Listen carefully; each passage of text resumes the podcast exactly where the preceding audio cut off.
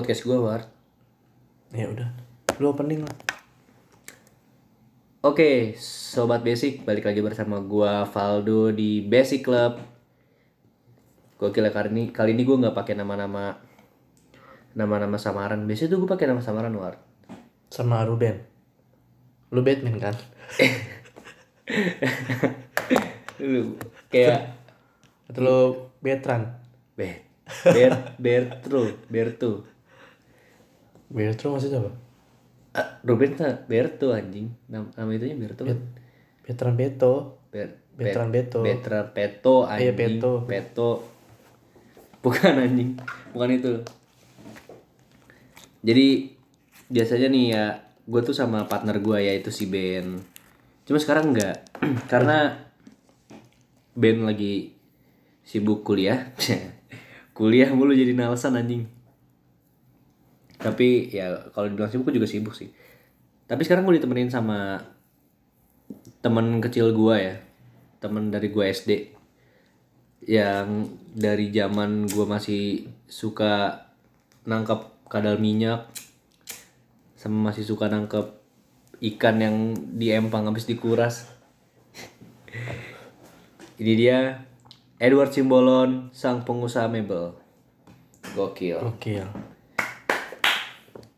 apa kabar Edward Simbolon Sehat. Lu jelasin dulu gak sih lu podcast basic itu apa? udah tahu sih seharusnya sih kalau pendengar gue emang harus udah tahu jadi Yang lima orang itu. yang lima orang itu yang lima orang itu jadi basic club itu do itu tuh tempat di mana gua dan teman-teman gua itu tuh ngomongin hal-hal yang sebenarnya tuh basic tapi beberapa orang nganggap ini tuh ribet gitu kan sering tuh kayak sebenarnya itu hal basic tau karena setiap orang tuh ngalamin ini Hmm. tapi emang kadang kitanya aja yang ribet jadi kayak seakan ini tuh masalah besar Hmm. padahal ini sebenarnya basic karena se- setiap orang ngalamin itu dan tujuannya ya bukan buat mengajari ya maksudnya cuma buat sharing pengalaman aja Hmm. kalau dari gua nih gue tuh gini loh ngelewatin masalah ini tuh ya gue begini. Terus nanti biasanya tandem gue bakal cerita oh iya gue juga tuh begini. Ya nggak selalu sama kita punya cara masing-masing kita punya cara beda-beda. Tapi goalsnya adalah sama goalsnya adalah penyelesaian suatu masalah. Hmm. jadi setuju nggak setujunya itu dari kalian sendiri. Dan kelihatan kan yang setuju lima orang Iya. lima orang lima orang udah satu bulan loh Itu juga yang denger Kevin, adanya Kevin sama saudaranya. Sama baru tuh yang duanya itu Another People. lu ngomong Kevin Kevin kagak ada yang kenal ini siapa Kevin Ya, Kevin kan temen SD lu juga. ya ada dua anjing Terus sekarang topiknya apa nih? oh ya gue tuh sekarang mau ngomongin tentang ini sebenarnya udah pernah gue ngomongin juga sih dulu. Jadi di episode 2 gue pernah ngomongin kondisi mental setelah putus cinta. Cuma emang fokusnya waktu itu lebih lebih ke saran gimana caranya lu biar nggak galau dan nggak stres aja. Tapi kalau sekarang adalah lebih ke awarenessnya sih. Hmm. Ke awarenessnya kayak lu yang ini bisa buat yang lagi ada di relationship ataupun baru putus karena Ataupun sama orang yang belum pacaran sekalipun. ah iya karena menurut gua Bisa juga tuh dia depresi tentang wah anjing kenapa gua nggak bisa ya iya cari orang jadi pacar gua. kenapa tuh Ya mungkin karena dia menganggap rendah diri atau merasa, minder. Iya itu juga termasuk sih. Jadi ini lebih kita mau bahas ke mental awareness. Gokil ih gila gue bahasnya. Berat-berat banget anjing. Padahal dibilangnya basic. Tapi coba menurut lu kalau orang udah ngomongin mental awareness basic atau enggak?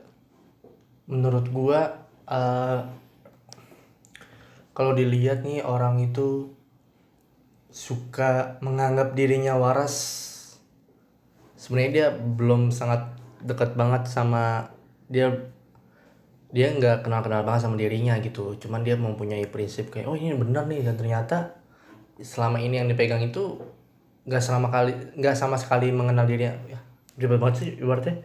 Ibaratnya dia sotoy sama dirinya dia sendiri gitu. Dia nggak kenal sama dirinya sendiri iya. gitu. Jadi itu bertolak belakang sama apa yang tubuh atau soulnya yang dia rasain itu beda sama sama yang perilakunya yang sama prinsipnya. Oh ya jadi tunggu sorry ini gua potong sedikit buat sobat basic ya. Eh ini gue mau buat disclaimer dulu jadi kita ini bukan ahli. Sekali lagi kita kita berdua tuh bukan ahli. Kita berdua cuma mau nge-share pengalaman dan sudut pandang kita aja gitu.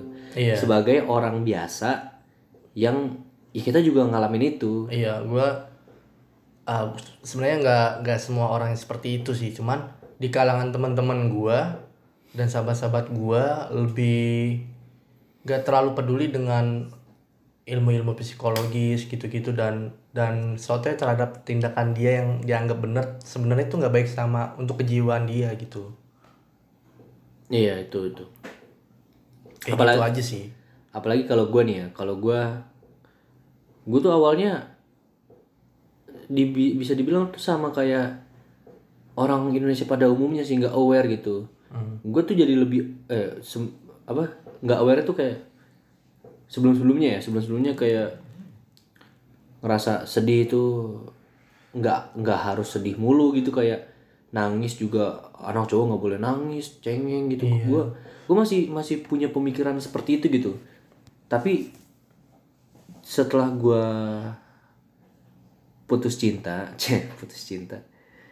Setelah gue putus sama pasangan gue yang terakhir gue jadi lebih ngerti kalau bahkan orang sedih pun nggak ada salahnya buat minta pertolongan gitu jadi sedih itu yang sebelumnya gue merasa sedih adalah hal yang memalukan tapi setelah belakangan ini gue sadar sedih adalah hal yang wajar untuk manusia. Hmm. jadi nggak malu gitu. Kalau misalkan dulu nih dulu nih gue ngeliat teman-teman gue yang kayak lagi sedih lagi galau terus dia share di sosial media gue langsung kayak najis apaan sih lebay banget cowok lagi gitu. Kayak alay banget najis kayak bencong gue gue gue mikirnya kayak gitu tapi setelah sekarang sekarang gue mikir oh iya ternyata tuh nggak bagus juga gitu kalau untuk kita tahan perasaan sedih itu. Karena menurut para psikolog tuh dan menurut psikolog yang pernah gue konsul juga apa pun rasa yang lagi lu rasain ya udah rasain aja. Hmm. jangan disembunyiin jangan dilawan gitu. Iya tapi nggak maksudnya untuk nggak baik juga sih untuk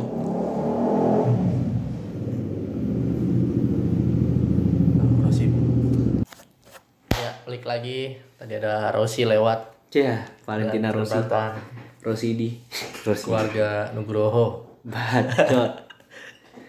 Tapi eh, yang mau soal sedih tadi ya. Menurut gua terlalu over sedih di sosmed itu juga bahaya sih karena eh, jadi sebuah wadah yang gak seharusnya lu keluarin di situ juga sih menurut gua. Harus sesuai porsinya lah.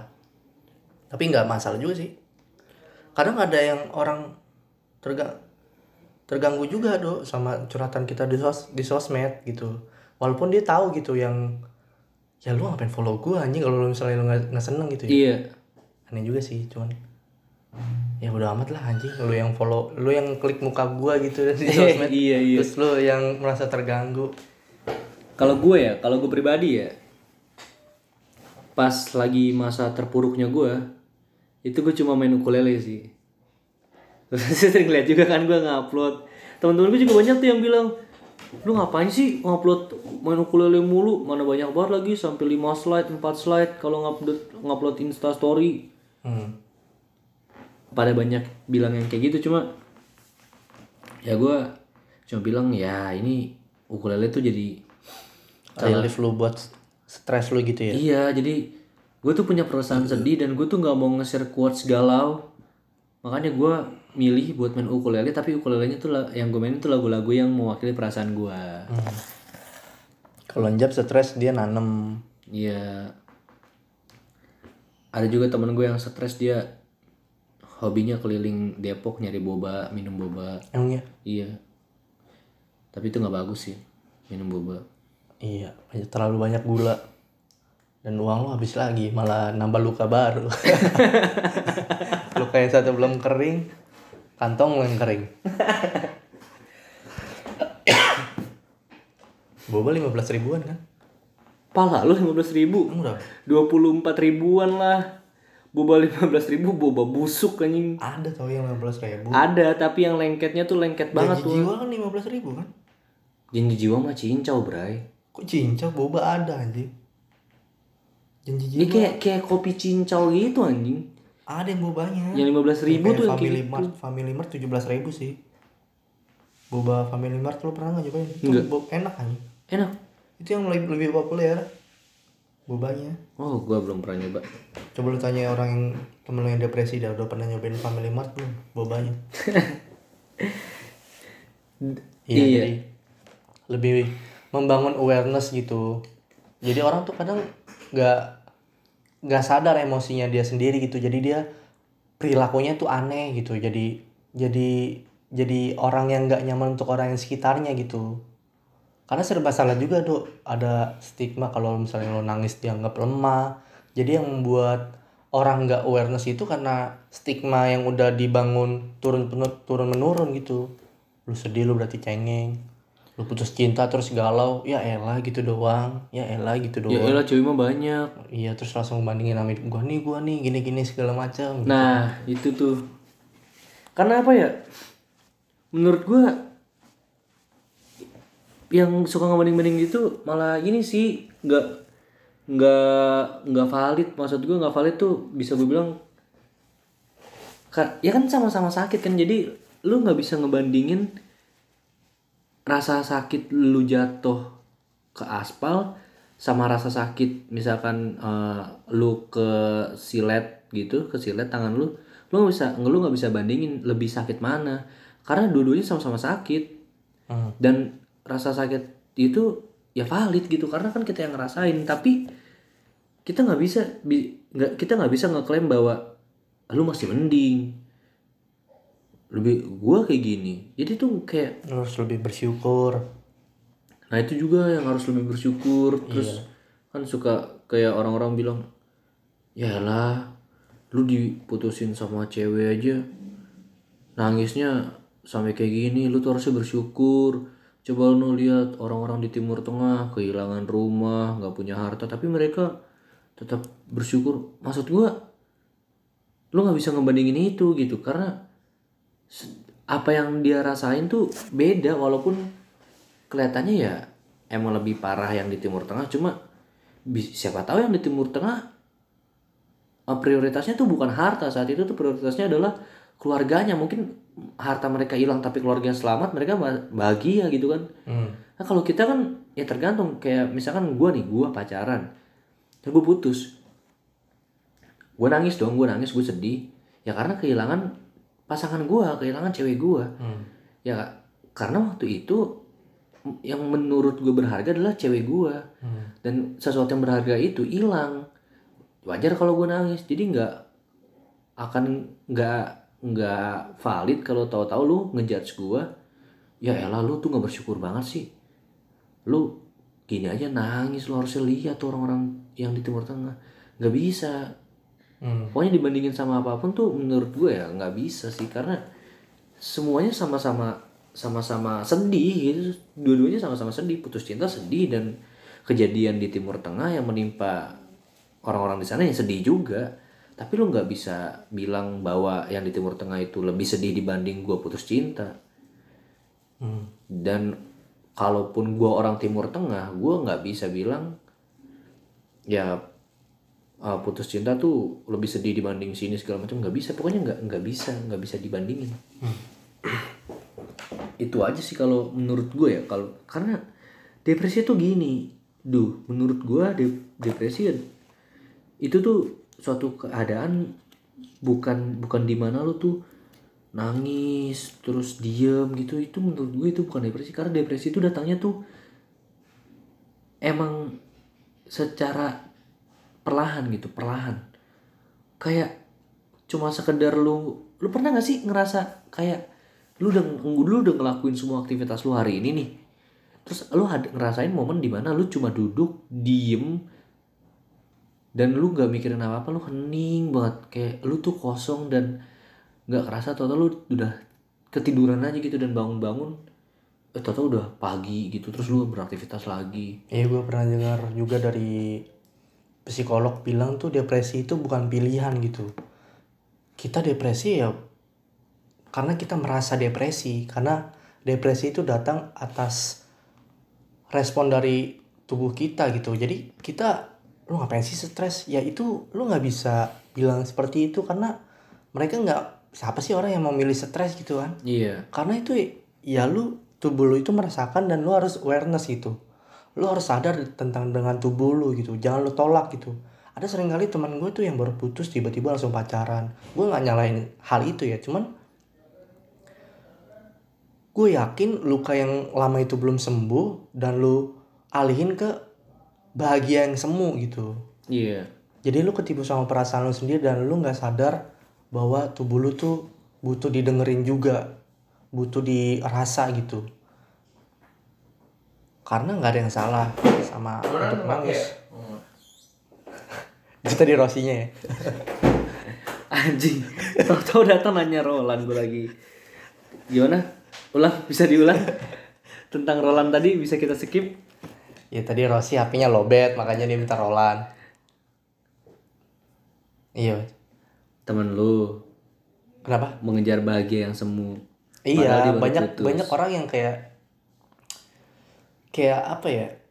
Yang perilaku perilaku lu itu gak merespon sedih lu. Jadi lu kayak sebuah respon buat cari bahagia semu gitu yang sebenarnya itu bias banget gitu. Rasa cinta lu itu menurut gua bukan cin bukan cinta yang benar-benar cinta karena lu pengen ngeniban rasa itu gitu. Karena menurut gua perasaan sedih lu itu nggak bisa lu tusuk terus mati enggak. Perasaan itu cuman bisa pingsan aja. Semakin lu lupain pada suatu saat nanti dia akan tim- timbul lagi dengan trigger yang lu alami sekarang gitu. Dengan waktu yang sekarang lu mempunyai trigger itu karena yang masa lalu itu lu belum usai menurut gua sih gitu ya. Dan gue juga baca dari eh, tahu dari pernyataan psikolog gitu bahwa depresi itu bukan pilihan kita itu respon tubuh lu yang harus lu denger gitu. Jadi nggak ada lagi tuh lu ngapain sih stres? Ya nggak bisa karena itu yang dirasain gitu lu nggak bisa nolak. Ya lu lu terima lu sadarin. Nah makanya itu butuh banget awareness gitu kenalin perasaan lu kenalin emosi lu itu seperti apa. Gitu sih. Gua setuju sama statement itu sih karena gue juga pernah ngalamin gitu kan. Teman-teman gue banyak yang reply story gue waktu gue galau terus dia bilang udah lu ngapain sih galau-galau? Terus mantan lu tuh ngeliat lu kayak gini tuh seneng tau.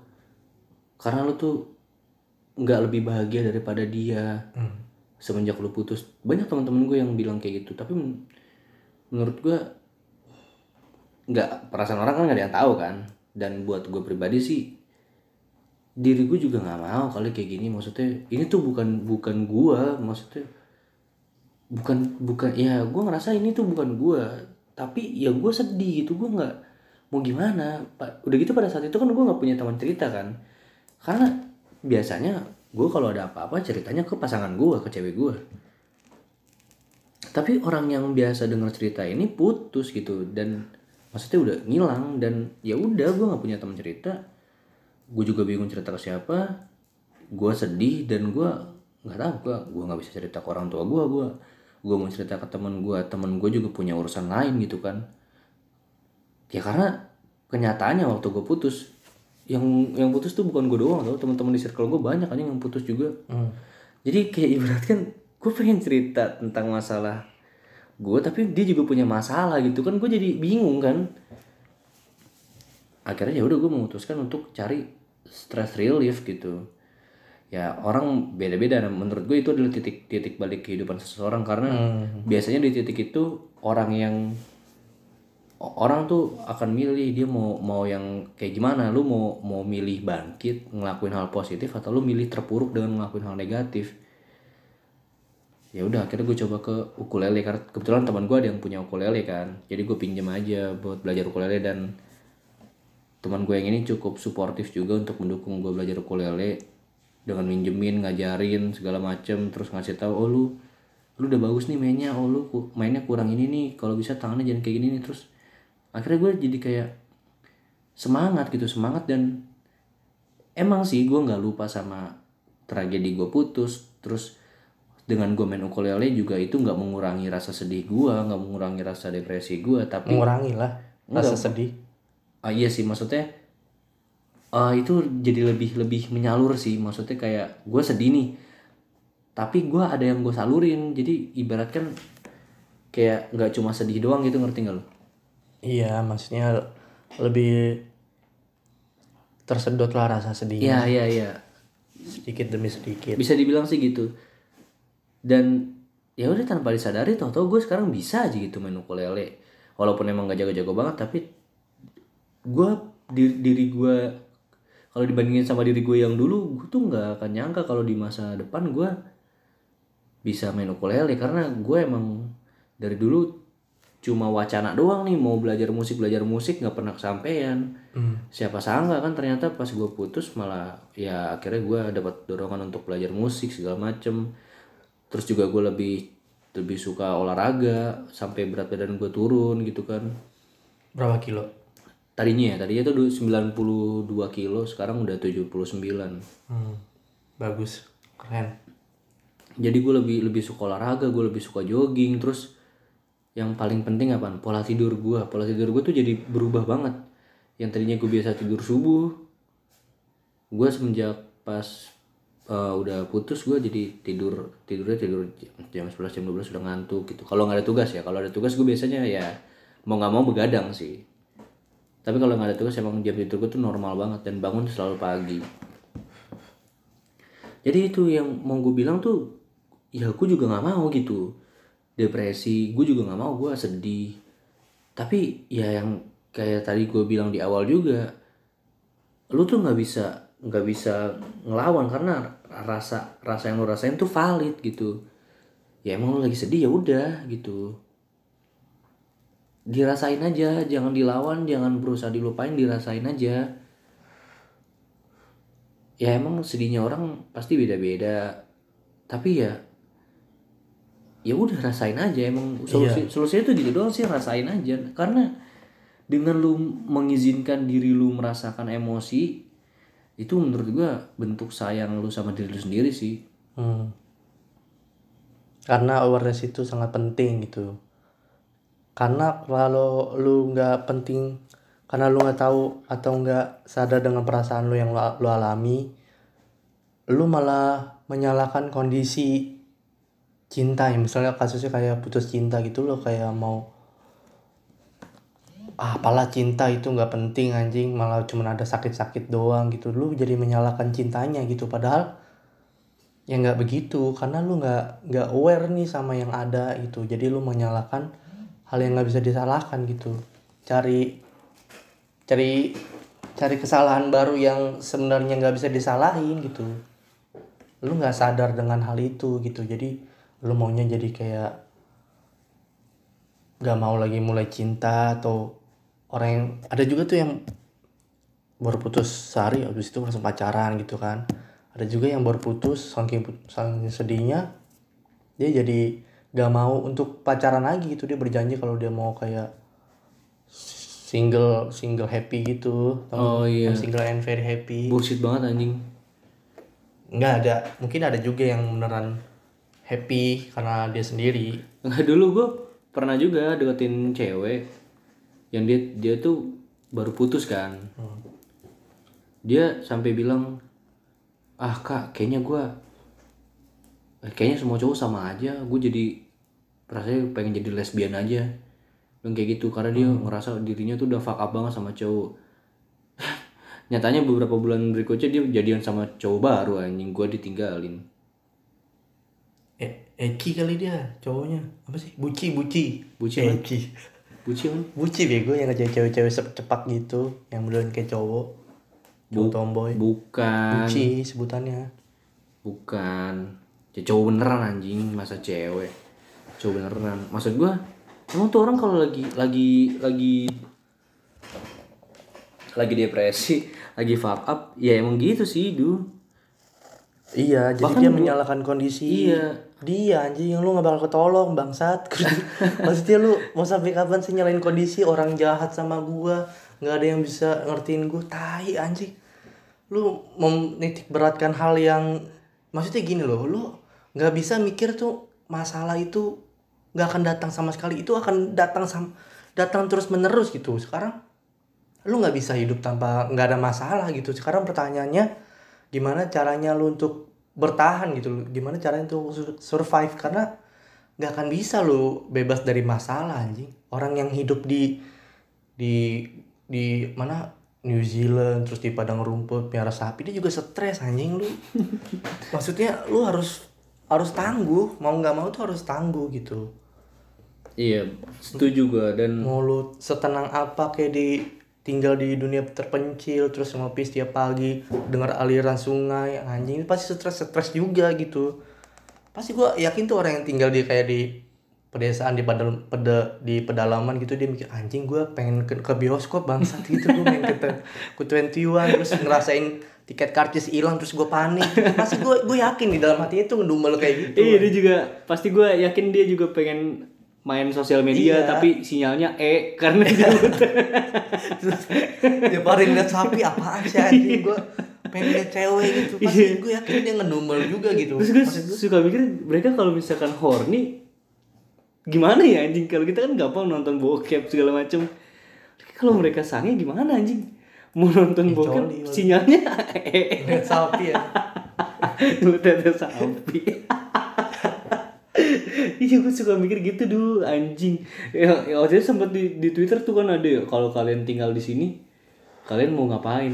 Terus gue reply ya ya paling mancing doang kerjaannya Oh, mau ngepost rank juga sinyalnya pasti eh anjing orang gak ada tower nggak ada gardu iya cuman kayak hidup damai dengan alam Iya, gitu. gue yakin dia juga pernah stres kok pasti stres anjing iya nggak mungkin lah lu hidup hidup tenang tuh apa anjing? Maksudnya lu lu lu apa namanya tough guy gitu loh maksudnya. Tangguh lah. Iya. Nggak bisa lu ngilangin masalah tuh nggak bisa anjing. Dan yang paling menyebalkan adalah biasanya kalau eh sorry ini gue ngomong ini percintaan mulu ya karena menurut gue gini dulu eh karena emang topiknya ini kan? Bukan. Iya emang iya tapi kenapa gue suka memba- membahas topik masa ini? sulap anjing? Tiba tahu-tahu kita menurut gua tuh sulap ngeluarin topi terus ada kelinci nggak penting anjing. Ya gue tahu gitu kan terus buat apa anjing? Buat kehidupan nggak ada. Nggak Nggak ada. sama sekali anjing. Apalagi sulap terus kan. keluar burung anjing. Kenapa bangsat? Iya tapi kenapa tukang sulap pakainya hitam-hitam ya? Lebih pretensius aja kali warna hitam. Pretensius ya. Iya maksudnya lebih gotik lah lebih gelap. Eh, tapi gue gue mikir kenapa pakaian tukang sulap itu hitam-hitam? Karena kalau misalkan dia pakaiannya warna-warni dikira badut anjing. Tapi kan baru sulap juga deh iya makanya kan. Itu yang membedakan tukang sulap sama badut pakaiannya. Badut warna-warni tukang sulap hitam-hitam. Ya kan? Tapi itu termasuk performance juga. Kagak anjing. Itu mah sulap. cuma biar kata-kata itu di di gue pernah ngeliat badut jam 12 malam di pancoran anjing. Terus dia duduk di, tep- di tepi trotoar gitu sambil buka kepala mini depunya gitu. Sian banget kata gue yang gue bahas bukan badut yang kayak gitu sih badut. Badut ngeluh berarti ya, bukan badut sulap badut ngeluh anjing. Ngapain jam 12 malam anjing? Goblok banget intel.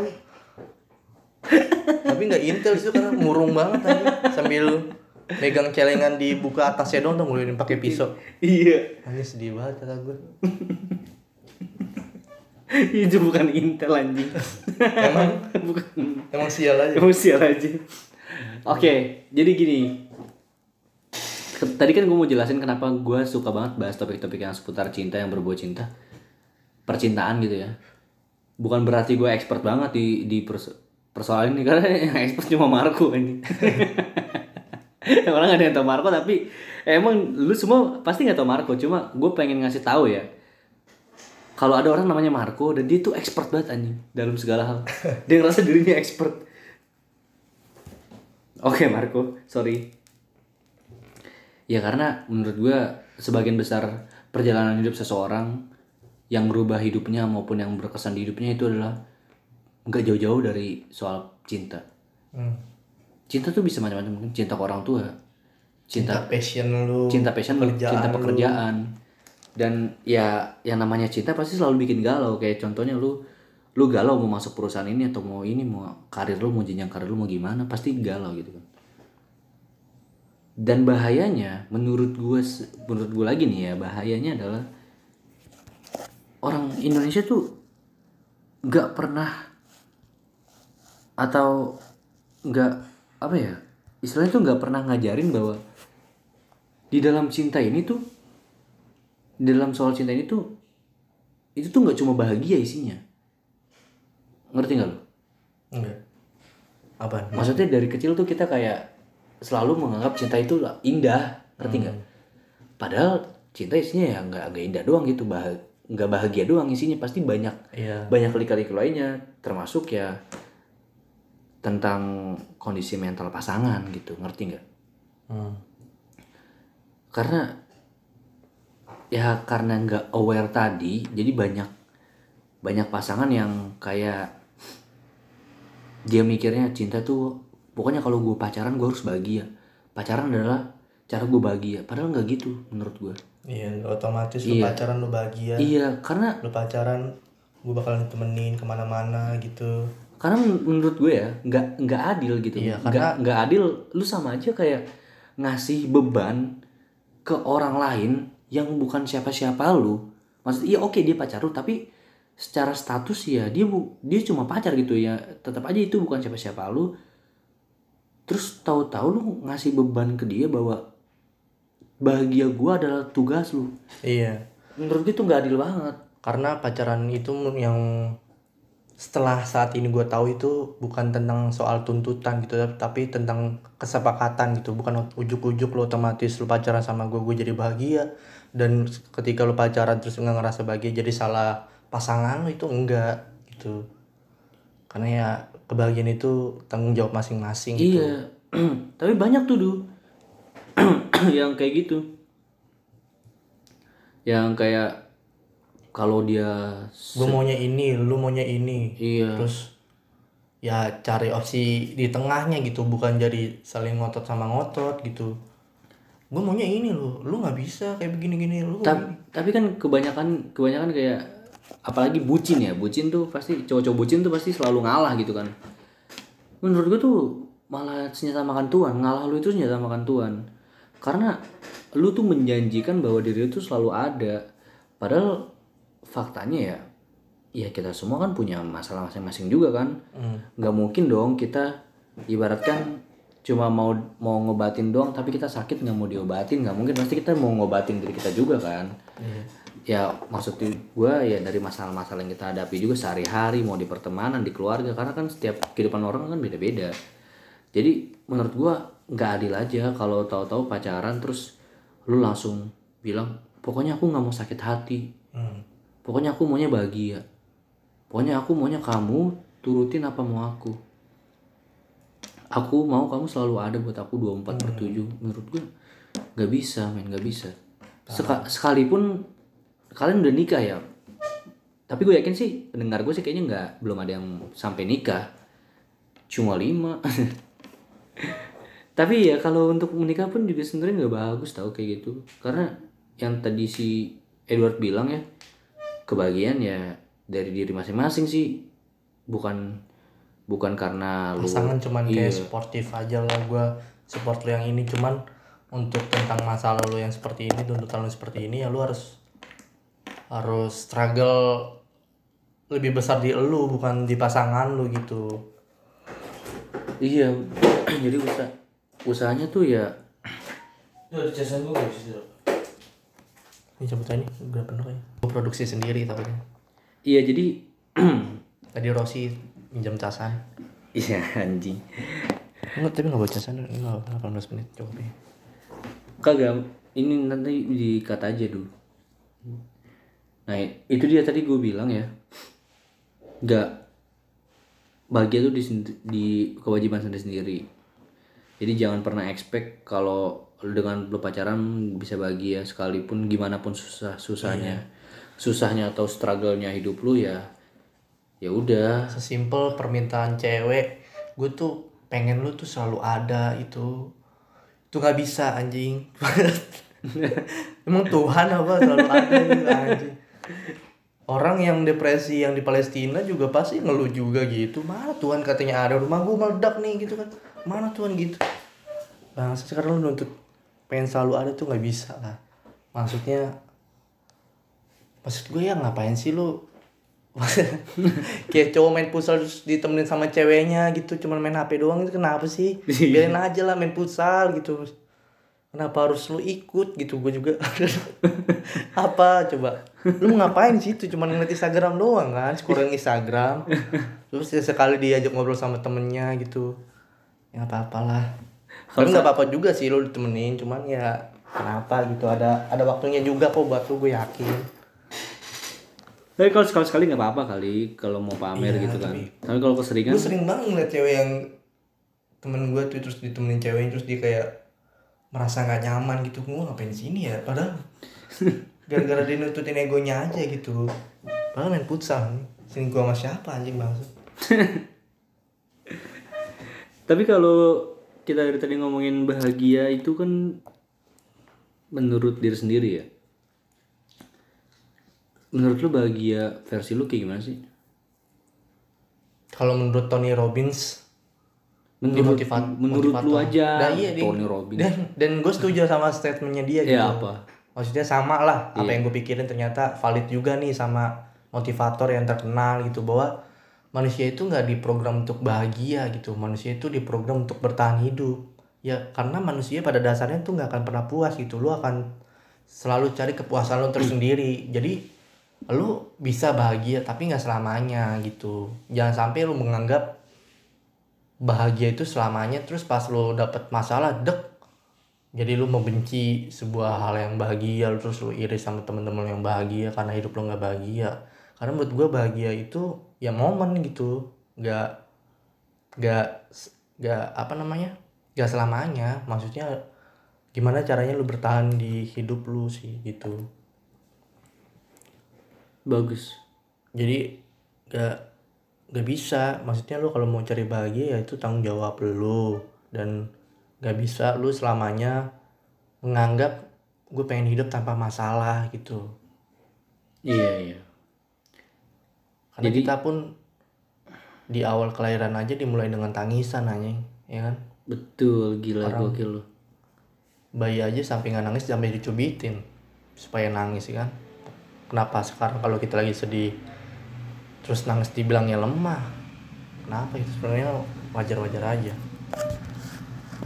Gitu. Kalau menurut lo dok kebahagiaan itu apa? Iya jadi menurut lo dok bahagia itu apa Kalau lu tanya menurut gue ya, menurut gue, gue setuju sih sama yang kata lu bahagia itu emang momen. Tapi ya bahagia itu bisa dicari dan cara nyarinya tuh, lu tuh harus kenal sama diri lu sendiri. Lu tuh harus tahu gitu yang bisa bikin diri lu tenang apa dan menurut gue bahagia adalah di mana lu bisa merasakan ket- ketenangan dan kenyamanan itu. Emang walaupun sesaat tapi seenggaknya lu tahu cara dapetin itu lagi saat ada tekanan gitu ngerti gak lu? Kayak misalkan lu tertekan nih. Ya udah gimana caranya lu lewatin tekanan ini dengan tenang segala macem? Menurut gue itu kunci menuju bahagia ya itu sih. Cara cara di mana lu apa ya ngadepin masalah terus sampai akhirnya lu bisa lewatin itu dan tenang gitu. Kayak ya kayak gua gitu. Gua contohnya contohnya lagi ya. Uku- ukulele tuh menurut gua bukan ukulele doang sih mus- musik lah. Musik tuh menurut gua cara gua melewati struggle gua gitu. Dan akhirnya gua merasakan ketenangan di situ. Sa- dan saat tenang itu lah gua ngerasa gua bahagia gitu itu menurut gua bahagia sih. Jadi nggak emang nggak selalu soal harta atau apa tapi ya namanya zaman sekarang kan pasti semuanya kan pakai uang lah ya. Kita juga nggak bisa bohong tapi ya dengan hal sesimpel itu aja lu tuh bisa gua gua tuh bisa bahagia gitu. Ya walaupun emang cuma momen tapi di momen itulah gua bahagia. Bener-bener. Ya dan mungkin ya Jadi mungkin. poin lu bahagia itu apa? bahagia adalah ketika lu tenang. Oh, tenang. tenang dan ngerasa ngerasa enteng aja pikiran lu enteng tenang. Otomatis bahagia dong karena kan lu nggak mikir apa apa kan. Mungkin tadi gue jelasin caranya caranya gimana cara lu bisa bahagia atau bisa tenang. Kalau gue sih caranya begitu ya. Tapi secara garis besar definisi bahagia menurut gue adalah di saat lu tenang. Hmm. Dan bisa dapat caranya untuk lu dapat tekanan terus lu bisa cari tenang itu gitu ya. Cari bahagia Iya, itu. itu Caranya contohnya. seperti apa gitu. Iya, itu lebih kayak gitu sih. Menurut gua kalau misalkan gua eh, apa? Ini pandemi kayak gini kan teman-teman gue banyak yang putus juga kan, Iya. putus cinta. Pandemi ini banyak menimbulkan orang gila baru ya. Anjing, tapi gua untung nggak sampai gila. Tapi gue suicidal juga sih, tapi sekarang udah enggak. Kenapa bilang begitu anjing? maksudnya gue sempat punya pikiran buat buat mengakhiri hidup gara-gara putus itu dan akhirnya gue mencoba mencari pertolongan nah Dengan semenjak cara nyetel lagu The Massive jangan menyerah, jangan menyerah. tah itu afirmasi busuk anjing. Jangan menyerah jangan menyerah. Nggak gue kok Tapi lagunya bagus Piku. Jangan menyerah. kagak anjing. Selera orang beda-beda sih. Cuma maksud gue itu afirma afirmasi juga beda-beda kan. Nggak nggak semua. Cuma dengan dengerin lagu itu langsung jadi semangat enggak anjing. Kalau gue kalau gue ke psikolog sudah ya beberapa kali lah gue ke psikolog awalnya gue malu tau ng ngakuin itu. Bahkan ketahuan aja gue ketahuan ke psikolog malu gue nyokap gue segala macam juga kayak menganggap ke psikolog adalah hal yang berlebihan padahal gue ngerasa diri gue tuh butuh saat itu. Dan akhirnya ya udahlah.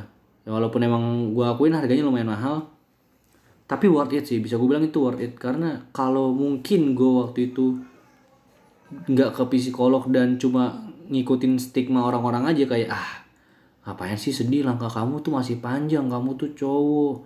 Belum nanti kerja. Cewek masih banyak segala macem. Kalau gue tetap terus ngikutin langkah itu emang gue nggak bilang itu salah. Cuma mungkin ah, gue akan ngerasa lebih suicidal aja dan gue nggak mau nggak mau terlalu dalam rasa suicidal itu gitu.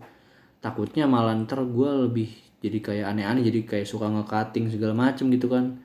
Nyilat-nyilat tubuh gua nyilat-nyilat mata kaki gua. Iya dan juga untuk teman-teman juga yang gue omongin di sini juga untuk cari eh relief lu untuk dari hidup kondisi lu yang susah banget. Kalau emang emang nggak bisa sendirian dan itu cukup berat ya lu juga butuh mentor atau konsul ke psikolog gitu. Maksudnya emang nggak mudah sih emang dengan omongan omongan orang-orang atau gitu harus cari wadah untuk berkonsultasi sama orang yang profesional gitu.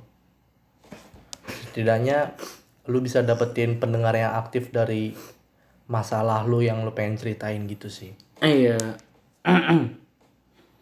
Jadi itu sih karena banyak yang berputus gitu gua juga ngerasa kayaknya kalau pandemi ini nggak pernah terjadi ya versi dari diri gue yang sekarang tuh kayaknya nggak akan pernah ada sih. Hmm.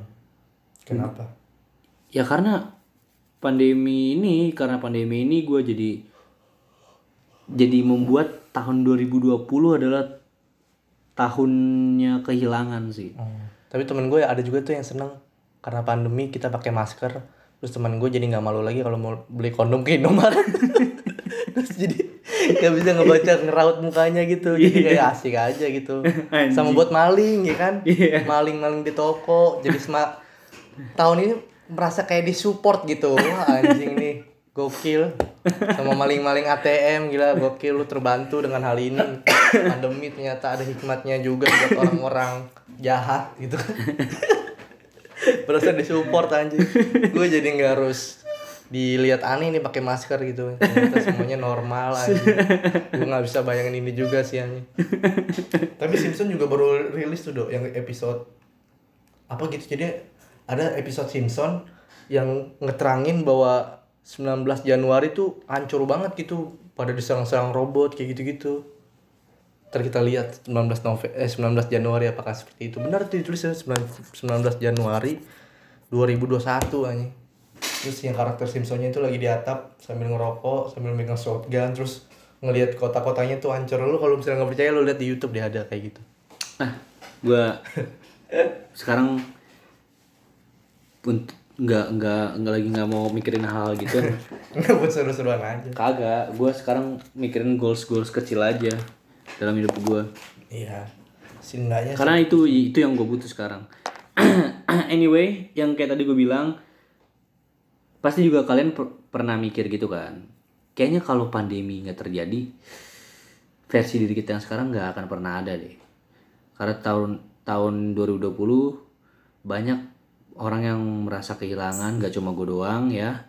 Gue nggak mau merasa jadi victim sendiri di sini gue juga sadar. Tapi ya gue berharap untuk kalian semua yang merasakan hal yang sama kayak gue mengalami tahun kehilangan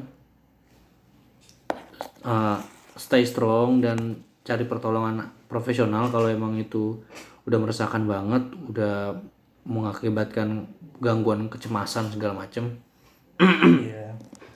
Karena omongan orang lain itu bahkan orang terdekat seperti keluarga atau sahabat lu itu nggak bisa jadi pegangan buat lu relief buat lu tenang gitu. iya betul Butuh juga orang yang profesional gitu. di bidang Iya. mental lah Karena bahkan orang bilang yang tahu diri lu itu sendiri yang tahu diri lu itu ya lu sendiri. Bahkan lu sendiri pun itu juga belum tentu kenal diri lu banget gitu. Jadi harus butuh konsultasi sih menurut gue ya. Kalau lu menganggap diri lu aja rendah diri kayak Oke. menurut gue penutup nih penutup nih.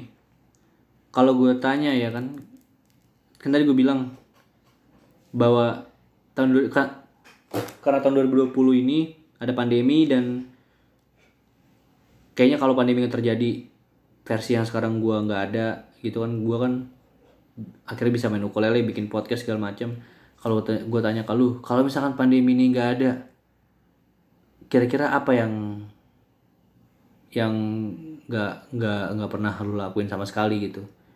Ya contohnya kan gue ukulele kan kalau pandemi nggak ada kayaknya gue nggak pernah akan nggak pernah akan nyentuh ukulele dan nggak pernah akan bisa ukulele Hmm. kalau lu apa Kalau gue sih masih apa ya? gue jadi itu sadar tentang perasaan gue sendiri gitu. Gue jadi tidak menolak emosi gue, tapi tidak menuruti sepenuhnya tentang emosi gue terhadap dampak yang diberikan dari luar gitu. Gue jadi sangat-sangat tahu apa yang diri gue sebenarnya butuhkan gitu sih. Ih gila mantep lu berat. Gara-gara kesedihan ini gitu, Berat kesedihan banget, tahun ini. Padahal tuh tadi bukan tadi sih maksudnya sebelum sebelumnya ya podcast gue tuh santai tau banyak bercandanya gitu-gitu. Kenapa begitu dibawain sama lu jadi serius bangsat? Episodenya Ruben apa sebelumnya topiknya? Ya banyak. Ma- Maksudnya nggak ada satu episode yang spesifik temanya. Ya semuanya spesifik, cuma kan ada tiga kan, ada tiga. Nggak yang terakhir. Yang terakhir itu tentang pengalaman paranormal experience. Oh paranormal experience. Iya maksudnya karena menurut gua paranormal experience di Indonesia tuh hal yang basic. Hmm. Orang skeptik sekalipun yang nggak percaya hantu-hantuan pasti pernah ngeliat hantu. Hmm. Atau at least pernah berada di lingkungan yang serem gitu di lingkungan yang eh lu tau gak sih? Katanya rumah ini kan ada hantunya. Ini kan dulu bekas rumah sakit gitu. Hmm. iya yang kayak gitu gitu oke mungkin itu aja sih dari gua dan teman SD gua yang dulu pernah nangkep belalang pocong bareng gua. Sama apaan? Kalawagi. Ah, anjing aneh banget kalawagi. Apaan sih itu yang namain Wahidin aja Wahidin gue masih bingung sama lu kenapa lu berak terus kabur aja gue tau lu berak di celana. Terus lu kabur kenapa dong? Udahlah nggak usah nggak usah bawa nama-nama yang enggak enggak enggak enggak orang tahu anjing. Wahidin siapa Wahidin? Berak celana ngibrit aja tuh lu sendiri kan yang suka toto bahas Wahidin bahas Malik bahas Marco. Ntar giliran gue bilang lu ngapain sih bahas teman-teman yang orang-orang pendengar nggak tahu siapa yang tahu Wahidin anjing sulit banget ya lu kenapa ngebahas tahu lah ini keluarganya sama warga-warga damar laut Aduh. Terakhir tuh gue biasanya ngasih dua kata lucu. Dua kata lucu dong. lu dulu lah Dih, lu biasanya bintang tamu dulu. ya, sekarang lu dulu coba Poni Kaseto. kurang Kurang. Lu apa? lu lagi lah ambil lucu Sampai lucu anjing. ambil lucu apa Batik Air. Batik Air lucu anjing. Batik Air lucu anjing. Pesawat Batik Air. gue ya Iya. hmm.